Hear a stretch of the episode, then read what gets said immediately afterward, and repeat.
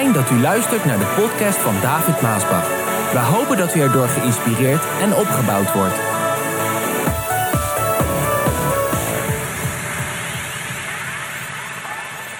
We gaan naar het woord van God, lieve mensen. De boodschap van vandaag heb ik de titel gegeven. Vertrouw op God en doe het goede. Vertrouw op God en doe het goede. De Bijbel die zegt, wat een mens zaait, dat zal hij... Ah, die tekst kent u. Die staat in de Bijbel. Wat een mens zaait, wat jij zaait, dat zal je ook oogsten. En door de hele Bijbel heen lees je over het principe van zaaien en oogsten. Dat is een wet die God heeft ingesteld. Zaaien en oogsten. Als je zaait, dan oogst je. En wat je zaait, dat oogst je. Zoals een boer zaait en zaad moet planten, want dat is wat hij doet. Hè. Hij, die grond die ploegt hij om en die, dan gaat dat zaad erin. Zoals een boer zaad moet planten om te kunnen oogsten, zo zullen ook wij vandaag het goede zaad moeten planten in de akkers van onze familieleden, van onze vrienden, van onze kennissen, van onze collega's, van onze relaties, van onze schoolvrienden, vriendinnen. Als een boer, u mag zeggen als dit niet waar is wat ik nu zeg, als een boer geen zin heeft om te zaaien, kan hij wachten totdat hij een ons weegt, maar oogsten zal hij nooit. Als het waar is, mag je ook amen zeggen. Als een boer niet zaait, dan zal hij ook niet oogsten. En dit begrijpen wij in het natuurlijke. Want zo is het. Je ziet toch altijd die boeren. Dan zie je die tractors op die grote landerijen uh, rijden. En dan zie je ze zaad zaaien. Weet je, als ik elke keer over de boeren heb de laatste tijd. Met, met wat er nu gaande is. Dat ze de boeren weg willen hebben uit Nederland. Ik bid echt de heren dat ogen open gaan van onze leiders. Dat het heel. En als je kijkt, leider, dan wil ik het tegen je zeggen. Het is heel dom om onze boeren weg te werken. Voor welke reden dan ook. Het maakt ons afhankelijk. Dit is een zijpad die ik niet eens op wilde gaan, maar ik wil het zeggen omdat, het, omdat ik zie dat gewoon. Dat we afhankelijk worden van voedsel van de buitenkant, hè, van buiten Nederland. Terwijl de Heere God ons Nederland heeft gezegend met eigen voedsel. Melk, voedsel. Dat is waar de boeren in voorzien. Als ik denk aan mijn moeder, hoe ze naar de boeren ging om een paar aardappels te halen in de tijden van oorlog. Kijk, oorlog kennen we niet meer. De generaties van vandaag. En we denken dat het nooit meer zal gebeuren. Maar als er iets gebeurt en we zijn afhankelijk en we hebben geen boeren meer. Nou, kom dan maar eens aan eten. Maar dat is een zijpad. En ik bid de Heer dat ogen open gaan dat die boren niet eruit gewerkt zullen worden. Ze zijn ons voedsel. Maar goed, dat was het zijpad. Dat moest ik gewoon even zeggen. Maar als een boer geen zin heeft om te zaaien, kan hij wachten tot in ons weegt, maar hij zal nooit oogsten. En u weet dat dit waar is. Misschien zeg jij vandaag, ja maar David, ik heb zoveel problemen in mijn leven. In mijn gezin, mijn huwelijk, mijn zaken, noem maar op. Ook juist in deze toestanden van vandaag. Met alle ellende. Ik heb helemaal geen zin om te zaaien. Dat begrijp ik wel. En misschien zeg je: vertel mij liever hoe ik uit mijn problemen kan komen. Maar lieve mensen, dat is juist de boodschap.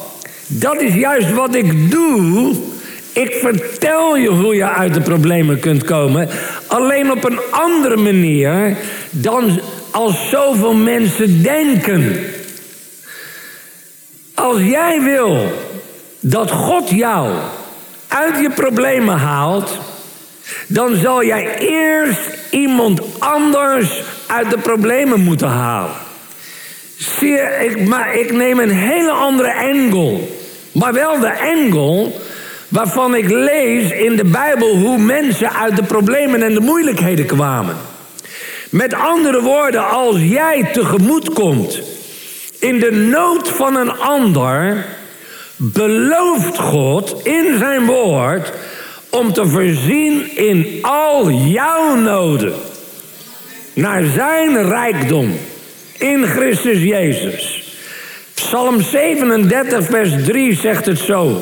Stel heel uw vertrouwen op de Heer en doe wat Hij goed vindt. Stel je vertrouwen op de Heer en doe wat Hij goed vindt. Woon rustig in uw woonplaats en zorg dat u in alles trouw bent. Verheug je in de Heer, dan zal Hij u geven wat u nodig hebt en waar u naar verlangt. Nou, we gaan even terug naar Genesis. In Genesis 26, vers 1 staat iets belangrijks. Er ontstond een zware hongersnood in het land. Zoals al eerder was gebeurd toen Abraham naar Egypte uitweek. Isaac die trok naar Gerar, waar koning Abimelech van de Filistijnen nog steeds de scepter zwaaide.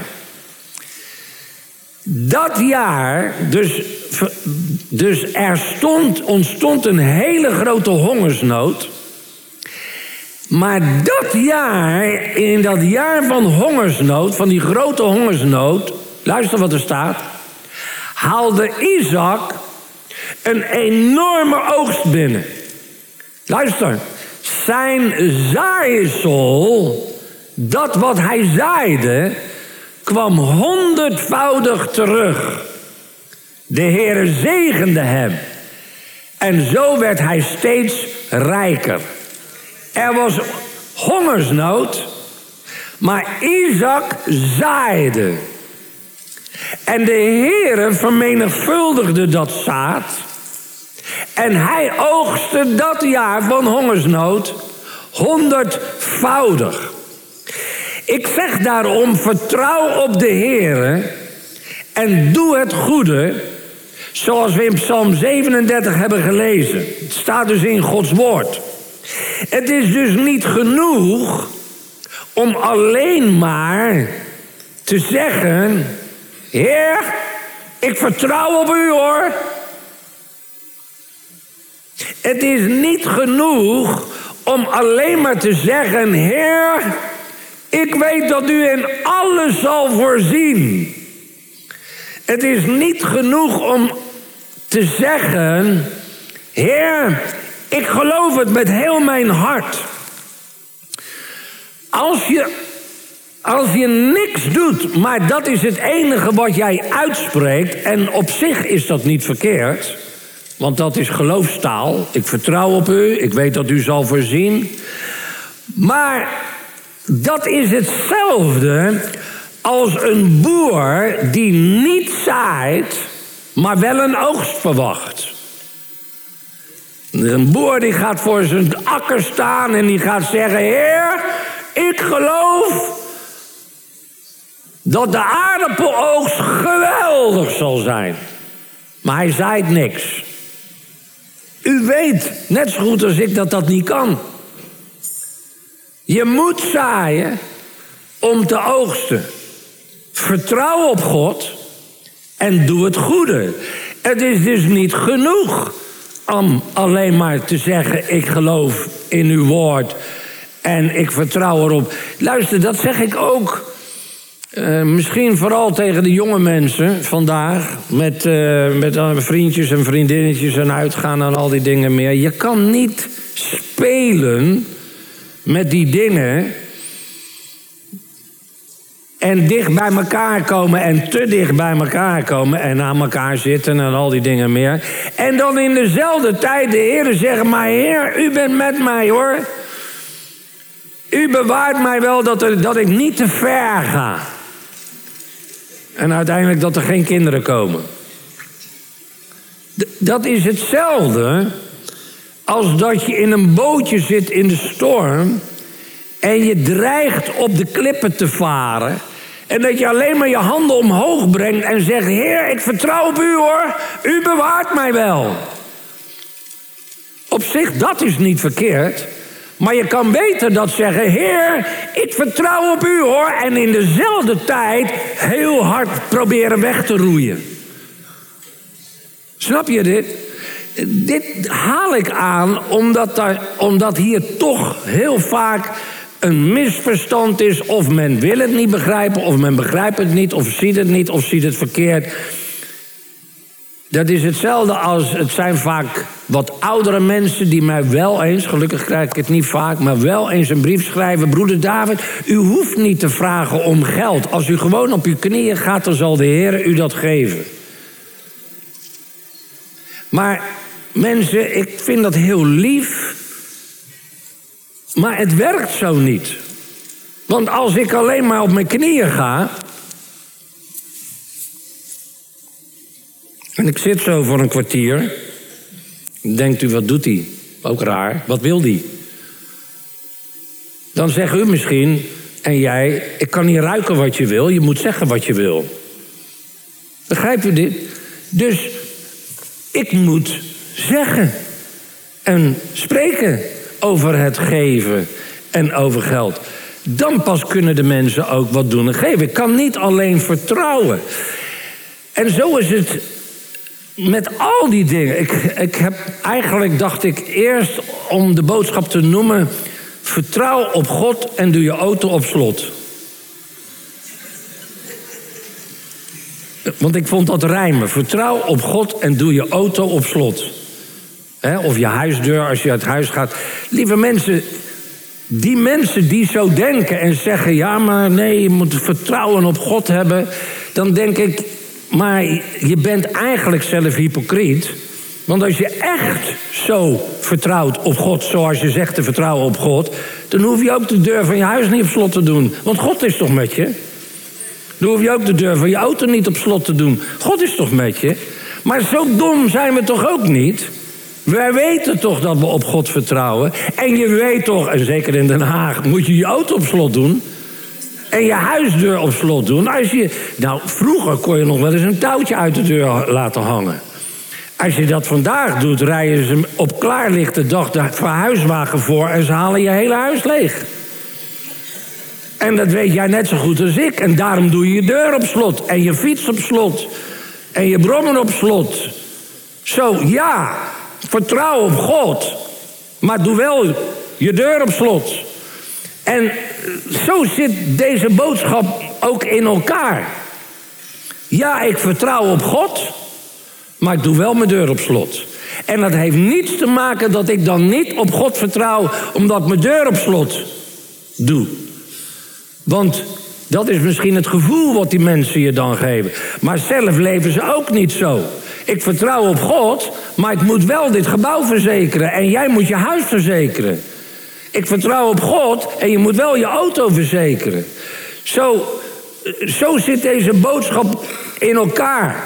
De Bijbel die leert ons dat er twee dingen zijn die we moeten doen als we in nood zitten. Eén, God vertrouwen. Twee, ga en doe iets goeds. Dat is precies wat Isaac deed in zijn tijd van nood. Er kwam een crisis in zijn land. En daardoor kwam het ook in zijn leven. Nou, we hebben vandaag ook een crisis in de wereld. En daarom zitten heel wat mensen in de crisis. Kan in Nederland, hè, het komt in je land. En daarom zit jij in de crisis. Of jouw zaak, of noem maar op. Er kwam ook bij Isaac een crisis. Het kwam in zijn leven en dat kwam in de vorm van een hongersnood. Een crisis kan in allerlei vormen komen. Plotseling. Kan ineens gebeuren, lieve mensen. Vandaar dat ik het over die boeren heb. Een crisis kan ineens gebeuren. En dan zit je, als ze alle boeren eruit hebben gewerkt. Dus net als met het gas. Wij hadden de grootste gasbel in de wereld. Het is allemaal verkwanseld in de jaren. En nu zijn we afhankelijk van buiten. Hoe geweldig is het als God je heeft gezegend met een eigen gasbel. Dat je in de warmte kan zitten als het koud is. En met boeren dat je kan eten als er een hongersnood dreigt. En de mensen die hadden geen water. En ze hadden geen voedsel. Met andere woorden, er was een grote crisis, een grote nood in de tijd van Isaac. En Isaac die deed iets wat niemand deed. En wat heel veel mensen, denk ik, erg dom zouden vinden dat hij het deed. In het midden van die droogte, in het midden van die schaarste, zaaide Isaac een zaad. De grond was hard, droog, keihard, bijna haast niet te doen om te zaaien. Niemand, geen boer zaaide. Want als het droog is en je zaait zaad, nou dan, dan doe je dat voor niks. Maar hij vertrouwde op God en hij deed het goede. Hij vertrouwde op God en hij zaaide een zaad. Terwijl andere mensen dachten dat is dom, dom, dom man, niet doen, niet doen. Gebruik je verstand. Sparen, sparen, sparen. Ja, dat is dan wat de meeste mensen doen. Maar het resultaat van zijn geloofsdaad lezen we in Genesis 26, vers 14. Daar staat, hij had een grote kudde schapen en geiten en veel slaven en slavinnen. Luister wat er staat. Hij werd zelfs zo rijk dat de Filistijnen jaloers werden. Hij werd zo rijk dat de vijanden jaloers. Dat is hetzelfde mensen als jij doet wat je ook vanmorgen hoort. De principes uit, die, uit de Bijbel, dat oude boek, want God is niet veranderd. Ook niet qua zaaien en oogsten. En jij doet wat God zegt. Dan zal God doen wat hij doet. En dan zullen je buren kijken en denken ze: waar doet hij het toch van? Hoe is het toch mogelijk? Dan zie ik weer een nieuwe auto. Dan zie ik een caravan achter die auto. Dan gaan ze weer op vakantie. Waar doen ze het van? Lieve mensen, dat is de blessing. De blessing pact. Blessing van God. Die rust op zijn woord en op degene die zijn woord in actie brengen. Die hun geloof, want vertrouwen is ook geloof, in handeling omzetten. In actie omzetten. In zijn tijd van nood wachtte Isaac niet op andere mensen om hem uit de nood te halen. Hij was niet in verwachting dat andere mensen hem zouden helpen. Nee, hij handelde in geloof. Hij vertrouwde op God en hij deed het goede. A. Hij stond op in het midden van de hongersnood. Je zou eigenlijk kunnen zeggen, hij ging de reus Goliath tegemoet. B. Hij zaaide een zaad. Je zou ook kunnen zeggen, hij gooide het steentje. En God deed de rest. God vermenigvuldigde dat zaad op een bovennatuurlijke wijze. En Isaac oogste dat jaar honderdvoudig. Je zou zeggen, Isaac versloeg de reus Goliath. Lieve mensen, elke dag bereiken mij vele brieven en mails van mensen die in nood zitten. Elke dag. Mensen die een reus hebben waarvoor ze staan. Reuzen van ongelooflijke moeilijke situaties. Ziekte, huwelijksproblemen, gezinscrisissen, demonische kwellingen, vaak demonische kwellingen, slapeloze nachten, fobisch van angst en vrees, depressies, zelfs zelfmoordgedachten, radeloosheid, hopeloosheid, machteloosheid, pijn en verdriet, eenzaamheid, allerlei lichamelijke kwalen. Heel veel van allerlei lichamelijke kwalen. Gebroken harten, financiële tekorten, enzovoort, enzovoort. Zijn allemaal brieven die ik elke dag krijg. Van mensen overal vandaan, uit alle lagen van het volk. Het zijn reuzen die ze zelf niet kunnen verslaan. En in hun wanhoop mailen ze mij, schrijven ze mij. Broeder David, help mij, want ik kan niet meer. Hoe vaak heb ik dat niet gelezen? Broeder David, help mij, ik kan niet meer. Misschien ben jij vandaag ook zo iemand. Kan toch? Of u voor de ouderen. Je bent hier. Je kijkt via de social media kanalen of de livestream. En je weet niet meer wat je moet doen. Er zijn vandaag ook veel reuzen die opstaan tegen de kerk van Jezus Christus. Tegen de gemeente. Reuzen die vol zijn van de geest van de antichrist. Het zijn vijanden. Het zijn jouw vijanden. Het zijn mijn vijanden. Het zijn Gods vijanden. Het zijn onze vijanden. Het zijn vijanden, mensen.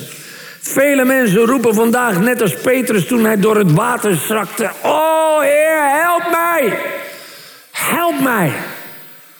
Weet niet wat ik moet doen, help mij, ik verga. En als ik dan die brieven lees. En, en echt waar, ik krijg ze elke dag. En als ik dan hun verhalen hoor. En als ik dan hun hulpkreten lees dan krijg ik vaak tranen in mijn ogen. Echt waar. En dan voel ik de liefde en de bewogenheid van de Vader. Die voel ik eigenlijk naar hun uitgaan, uitstromen. Ik overdrijf niet, Regina weet het, ik lig vaak wakker, s'nachts. En dan bid ik, bid, ik bid echt vaak voor jou. bid voor de gemeente. Ik bid voor het werk des Heren. Ik, bid voor, voor al die mensen die dan een nood hebben. Ik bid voor Nederland. Dit zijn dingen die me dan op, als een last op mij drukken. Dat noemen we een gebedslast. Daarom vind ik de bidstonden ook altijd zo belangrijk. Ik weet namelijk hoe eng het kan zijn. Hoe spannend het kan zijn als er een grote reus voor je staat. Ik heb er genoeg gehad in mijn leven. Een vijand die voor je staat. En niet zomaar één. Nee, zo eentje als die grote Goliath tegenover die kleine David. En uit zijn mond komt laster en grootspraak. Die reuzen kunnen, die reuzen hebben een grote gemene bek.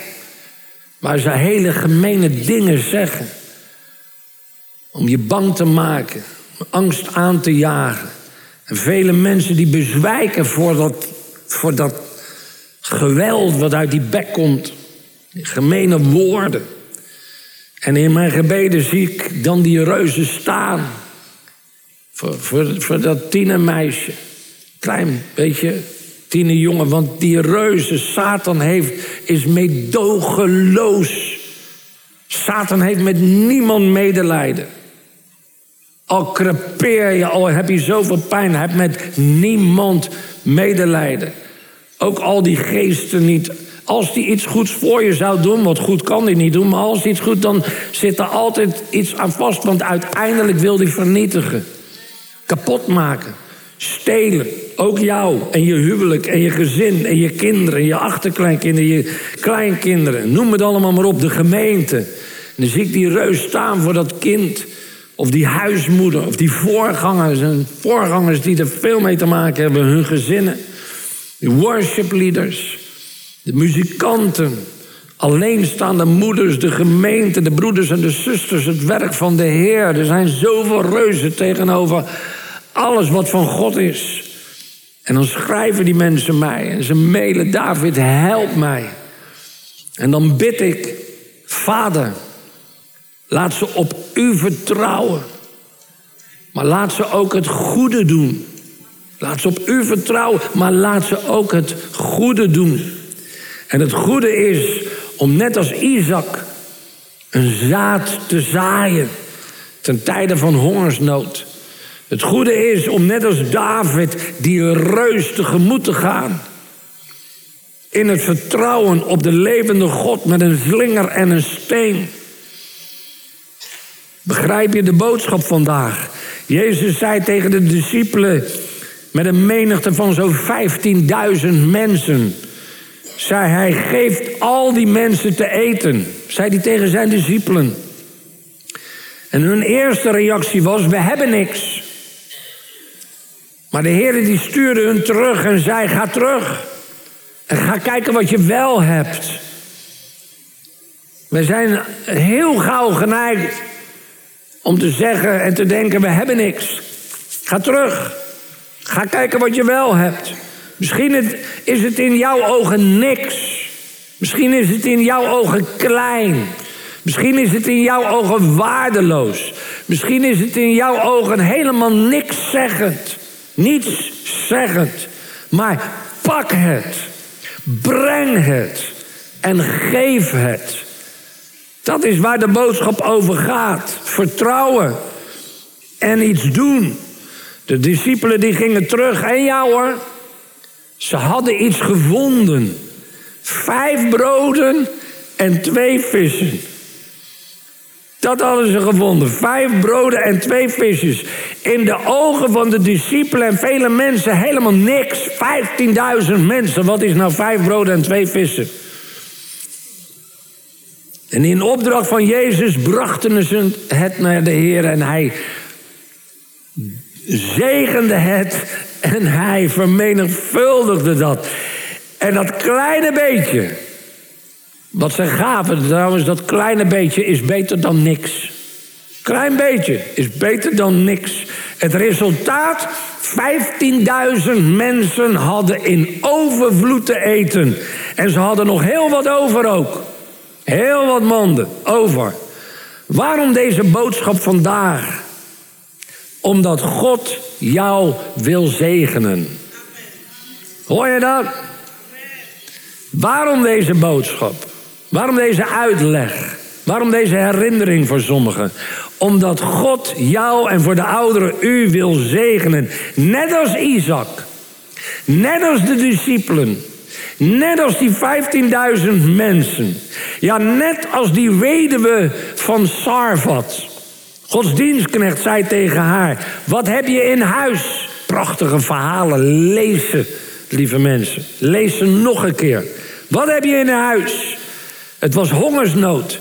En ze had niets anders in huis dan één flesje olie en een beetje meel in de pot. In haar ogen, en natuurlijk vele mensen zouden zeggen: Nou, dat is helemaal niks. Wat is dat nou? Eén flesje olie en een klein beetje meel in een pot. Ze was van plan, staat er, om dat kleine laatste beetje te nemen, een koek ervan te maken voor haar en haar zoon en dan te sterven. Zo groot was de hongersnood. Maar Elia zei: Maak eerst voor mij een kleine koek.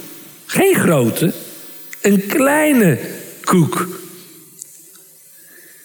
Het resultaat toen zij het goede deed, lees je in de Bijbel, de olie hield niet op met stromen en de meel in de pot stopte niet. Dat is wat God doet. In welke vorm Hij dan ook bij jou terugkomt om je te zegenen, dat kunnen heel veel vormen zijn. Dus de vraag vandaag die ik wil stellen is: wat is jouw steentje? Het steentje die David gebruikte. Wat is jouw steentje? Wat is jouw broodje? Wat is jouw visje? Wat is jouw koekje? Wat is jouw flesje met olie? Wat is jouw potje met meel?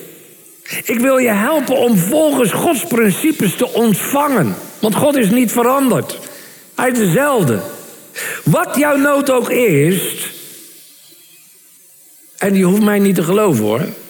Uh, wat ik deel. Ik bedoel, we leven in een vrij land. Je kan ook zeggen, nou, dat vind ik weer echt zo'n uh, mooie, mooie gedachte. Maar voor mij werkt dat niet. Je, je hoeft me niet te geloven. Maar Bij al de verhalen in de Bijbel zie ik dat de gever niets tekort komt.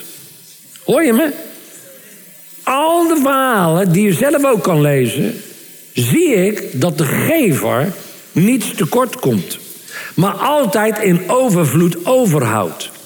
Spreuken 11, vers 24 zegt: Gulle en goedgeefse mensen krijgen toch steeds meer. Maar wie gierig is, wordt steeds armer. Hallo, dit zegt de Bijbel, hè? Als je gul en goed geeft, ontvang je steeds meer. Ben je gierig, hou je steeds minder over.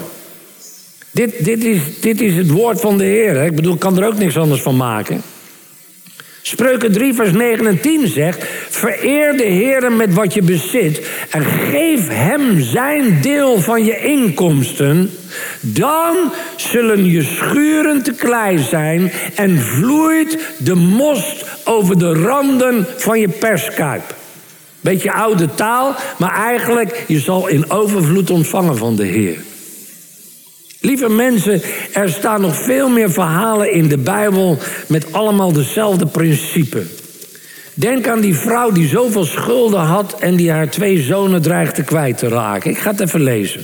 En dat staat in 2 Koningen 4.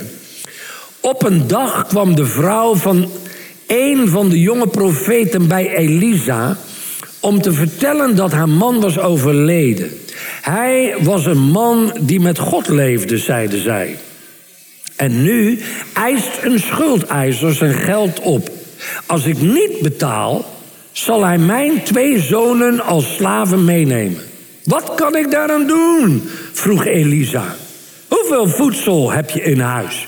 Ja, weer die vraag. Wat heb je in huis? Wat heb je dan wel? Nou, helemaal niks, zegt die weduwe. Nou, afgezien van een kruikje olijfolie. Dat is alles. Een kruikje olijfolie. Wat heb je in huis? Een kruikje olijfolie. Leen zoveel mogelijk kruiken van uw vrienden en buren, zei Elisa. Ga dan met uw zonen het huis in en doe de deur achter je dicht. Giet daarna de olijfolie uit het kruikje in de andere kruiken. En zet die opzij als ze vol zijn. Zij deed wat Elisa had gezegd. Zie je?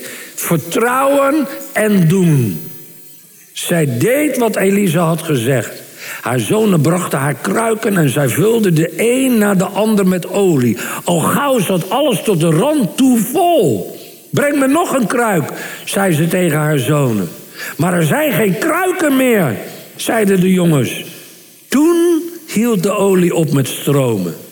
Toen zij Elisa vertelde wat er was gebeurd, zei hij tegen haar: Ga, ga de olie nu verkopen en betaal je schuld. Er zal dan nog genoeg overblijven om met je zonen van te leven. Betaal je hele schuld en er zal genoeg overblijven om er van te leven. Vraag.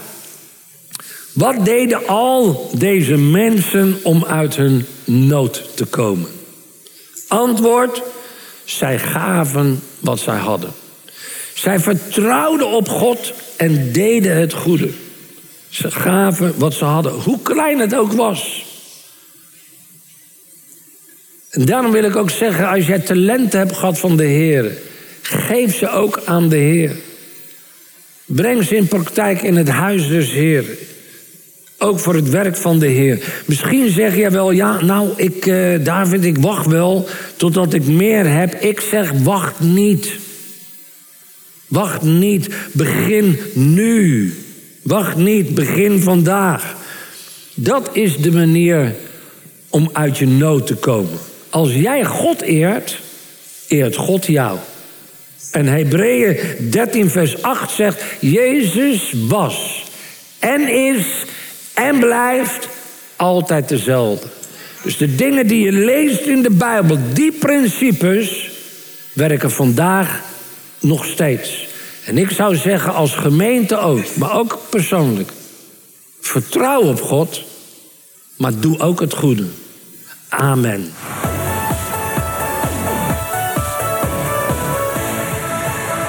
Bedankt voor het luisteren naar deze podcast. Wilt u meer preken beluisteren? Ga dan naar message.maasbachradio.com. Bezoek ook eens onze website www.maasbach.nl.